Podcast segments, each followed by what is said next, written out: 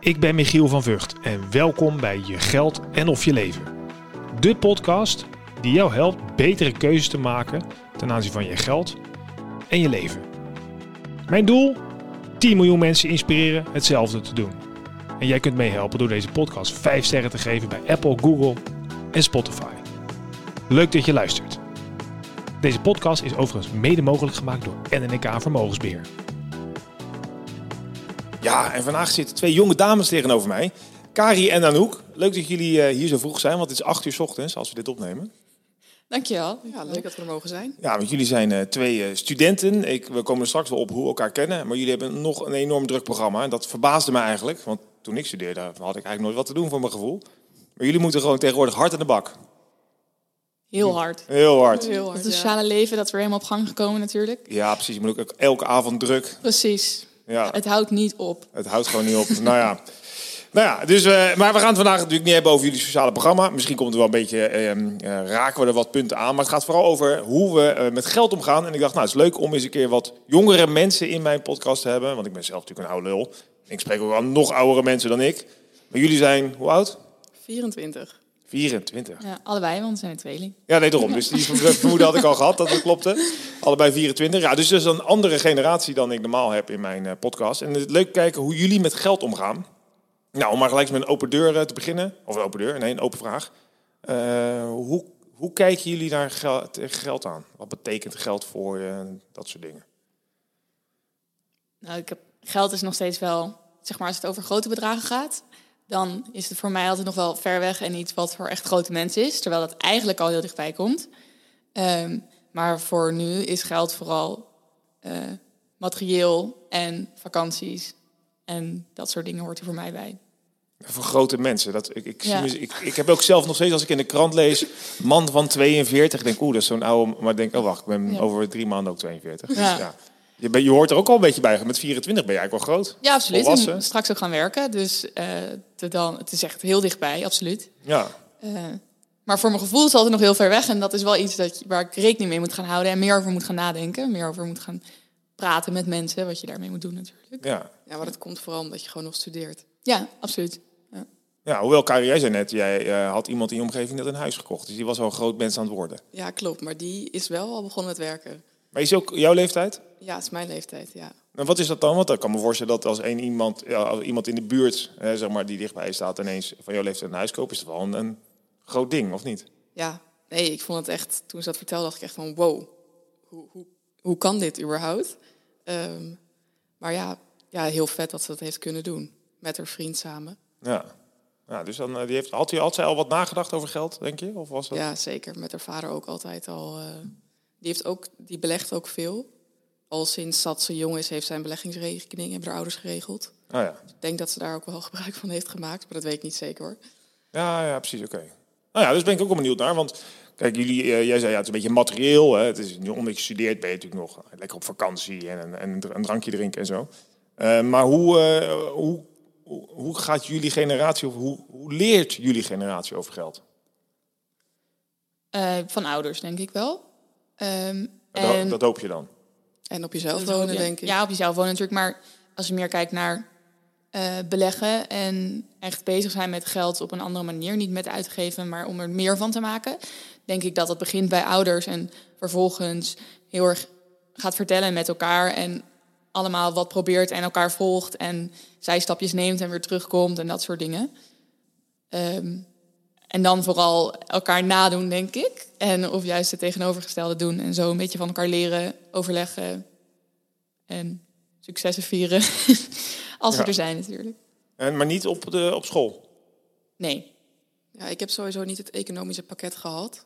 Maar ik heb het sowieso echt nul gehad. En ik denk in de eerste drie jaar ook niet. Ben jij misschien met economie? Ja, ik had economie op mijn middelbare school, maar dat ging meer over het grotere plaatje, denk ik. Over hoe de economie van de wereld werkt, of de economie van Nederland, banken, dat soort dingen. Maar niet over aandelen of persoonlijke. Financiën of zo. Ja, nee. Ja, dus dan moet je eigenlijk maar de hoop hebben dat je wat van huis uit meekrijgt. Ja, absoluut. absoluut. Zie je die mensen in je omgeving die dat minder van huis uit meekrijgen en die dus weer veel minder nog nadenken? Of zitten jullie gewoon in een sociale omgeving waar dat wel wat gebruikelijker is? Ik denk dat inmiddels veel mensen zijn gevolgd, maar ik weet wel van veel vriendinnen dat zij niet vanuit hun ouders dat hebben meegekregen of gestart zijn, naar maar zeggen. Ik heb juist ook wel weer vrienden die het veel meer van hun ouders hebben meegekregen. Oh ja. Die veel actiever zijn geweest, zijn geweest of veel actiever. Het is natuurlijk een keuze die je maakt. Veel actiever zijn met beleggen en dat leren aan hun kinderen en wat je met je geld moet doen meer. Dan wij, dan wij voor mijn idee, dan wij dat. Eigenlijk heel oneerlijk dus. Eigenlijk hangt het dus... Dus, dus dat zorgt wel voor ongelijkheid. Dus als je toevallig ouders hebt die dat of leuk vinden of bepaalde opleidingen hebben gehad, heb je eigenlijk alweer een extra voorsprongetje.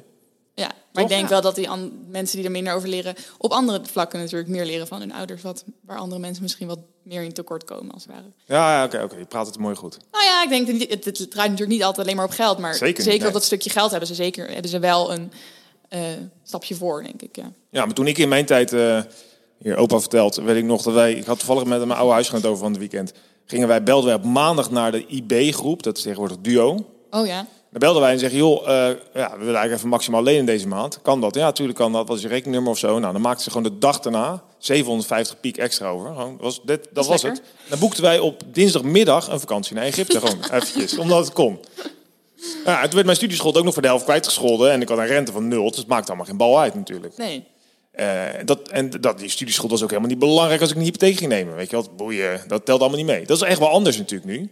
Ja. Dus jullie moeten echt wel anders nadenken over jullie financiële toekomst. Ik weet niet of je dat doet. Doe dat eigenlijk. Denk je wel eens na over je later, als ik, als ik echt groot ben?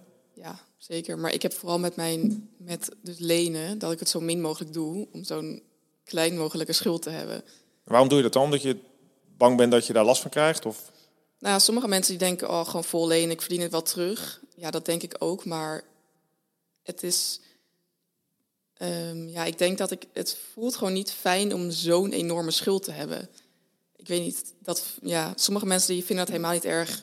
Die kunnen dat gewoon naast zich neerleggen. En ik heb dat niet zo. Ik denk gewoon, ja, zo'n grote schuld. En wat als ik dan klaar ben en ga werken, dan ben ik alleen maar aan het afbetalen. Of wat als ik wel een huis wil kopen. Want anders, ja, wat gaat die schuld dan doen? En we weten inmiddels dat dat heel veel doet. Ja. Um, maar ja, ik heb, ik heb het nooit fijn gevonden om een hele grote schuld te hebben. Maar daar sta jij anders in. Nou, dus net alsof ik een hele grote schuld nee, nee, nee, En elke maand, ik heb niet maximaal geleend, maar... Wel um, meer, laten we zeggen. Ja, wel meer. Jij hebt natuurlijk ook mooi kunnen werken in je tussenjaar. Ik ben altijd in één keer doorgegaan met studeren. Um, Hoe kijk jij dan, Anouk, tegen, die, tegen een schuld die je hebt? Nou, ik denk wel absoluut dat die niet te groot moet zijn en dat je daar voorzichtig in moet zijn.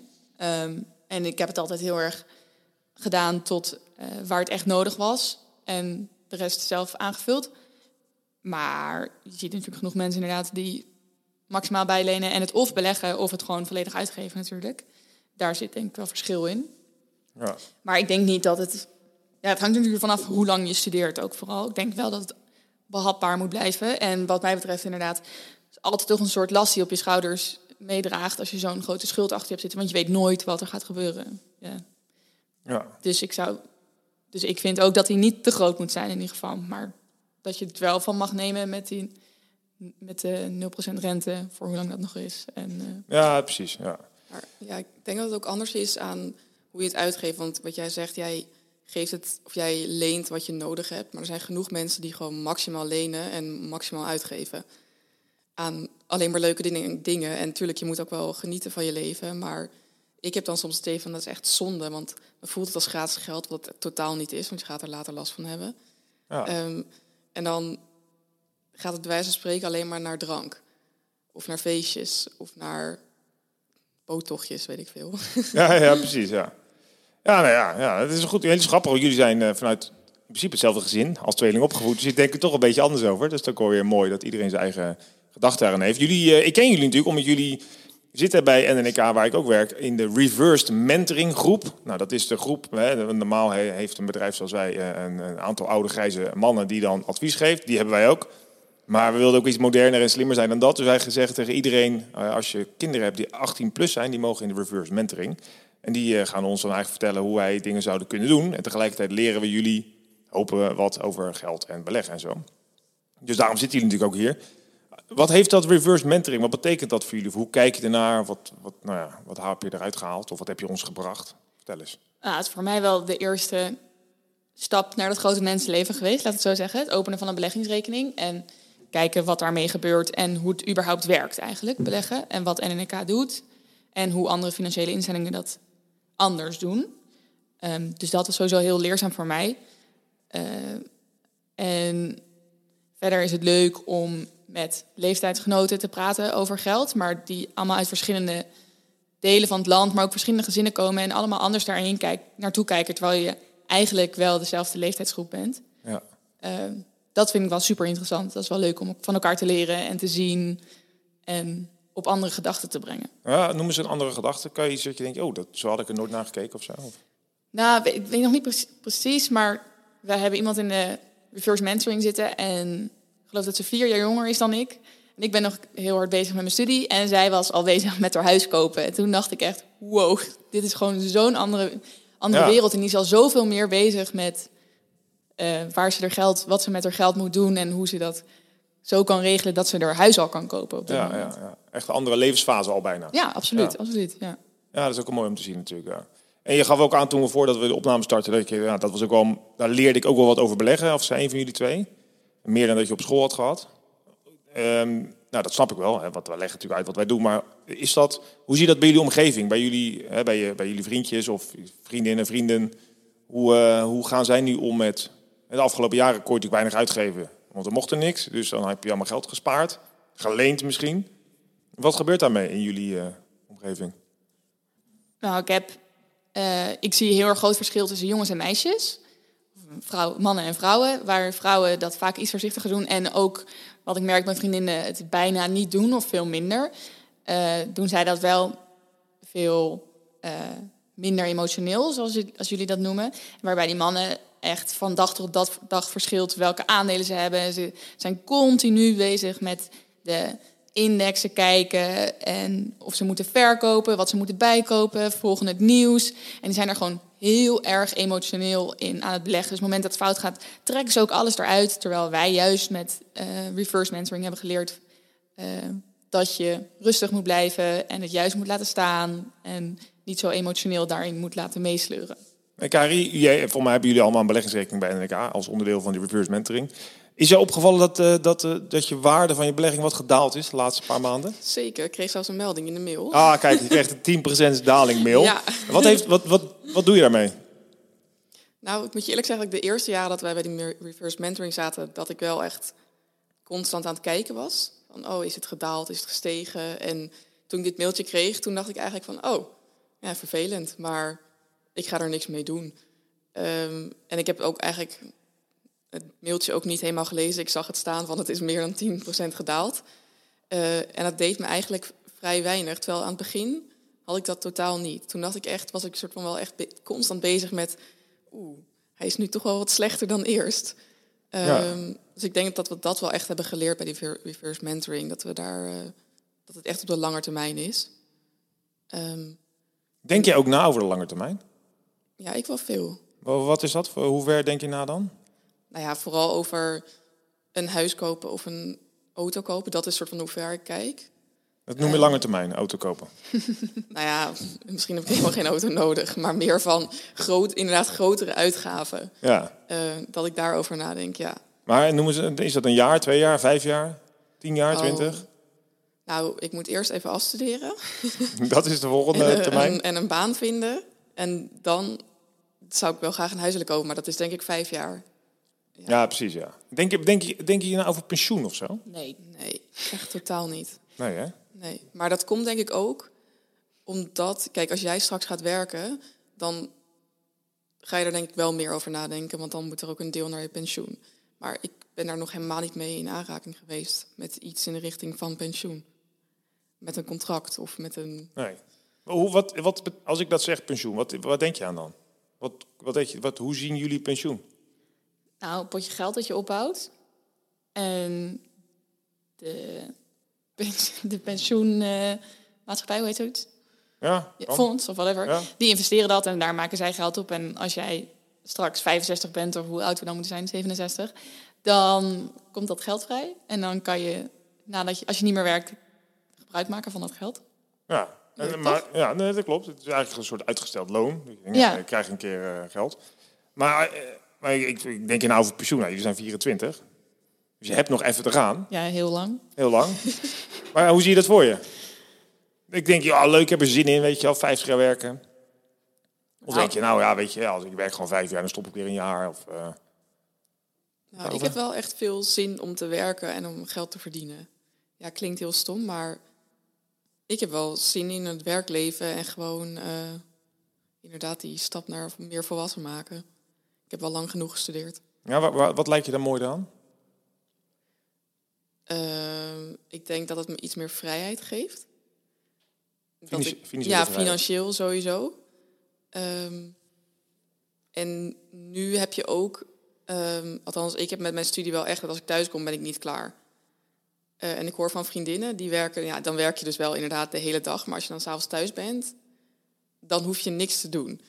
En het hangt wel van je baan af natuurlijk, maar ehm, ik heb nu gewoon, ik ben altijd bezig met studie en het zit altijd in mijn hoofd en ik doe een ont- Ja, ja. ontwerpende studie, dus dat is denk ik ook anders, maar eh, ik ben gewoon constant bezig met het ontwerp in mijn hoofd.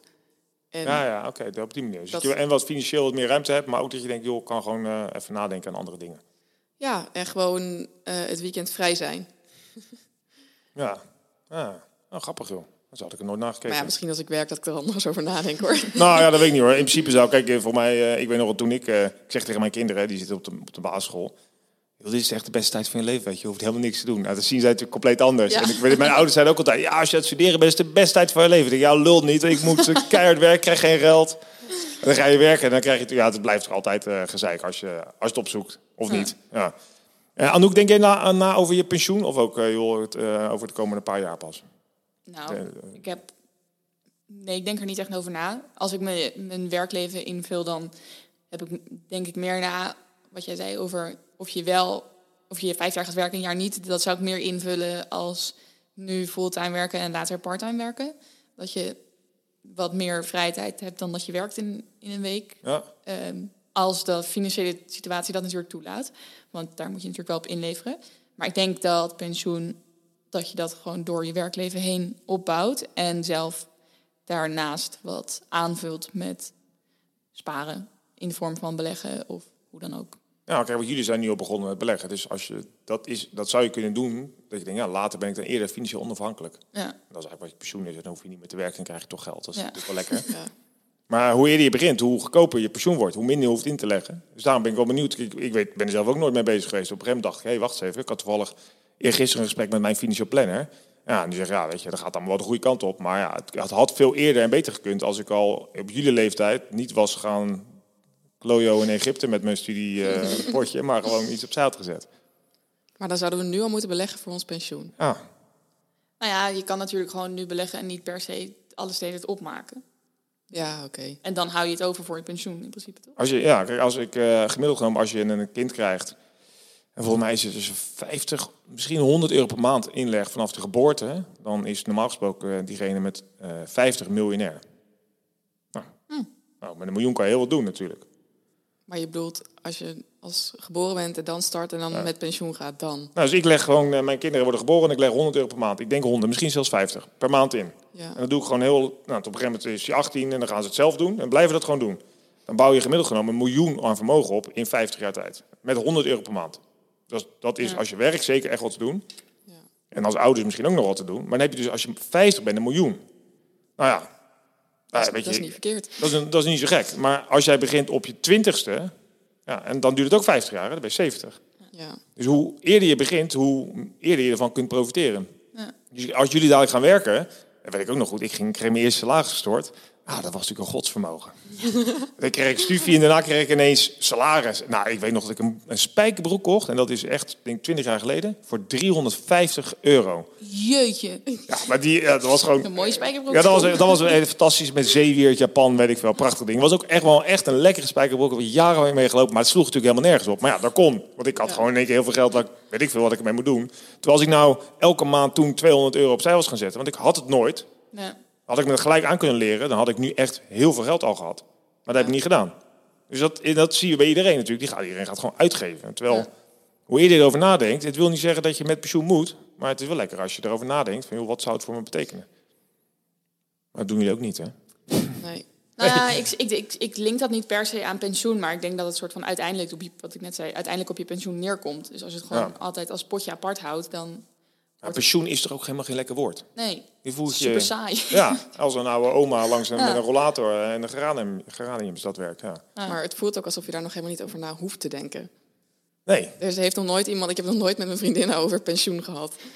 nee, nee, snap ik. Het is ook helemaal niet sexy. Nee. Helemaal niet leuk. Maar ja, noem het eh, FIRE. Ken je, is dat iets bij jullie in de generatie... eh, financially, financially independent, retire early, de FIRE movement? Oh nee, nog niet van gehoord. Nooit van gehoord. Nee. Oh. Nou, wij zeggen bij NNK, dat noemen we de FRIER movement. Oh. Financiële rust is je emotionele rust. Oh ja. Maar hoe lekker is het als je geen zorgen hoeft te maken over geld? Ja, Ja, dat zou heerlijk zijn. Ja. dus denk ik iedereen naar op zoek, toch? Daarom zijn we altijd bezig met meer geld verdienen, meer geld maken, Ja, meer, meer, meer. ja. Hey, waar halen jullie naar buiten, of jullie niet, maar misschien jullie omgeving, waar haal je, haal, wordt informatie vandaan gehaald? Dus zeg je vrienden die wel al beleggen en die vriendinnen. Nieuws, nieuws en forums. Fora, wat is het?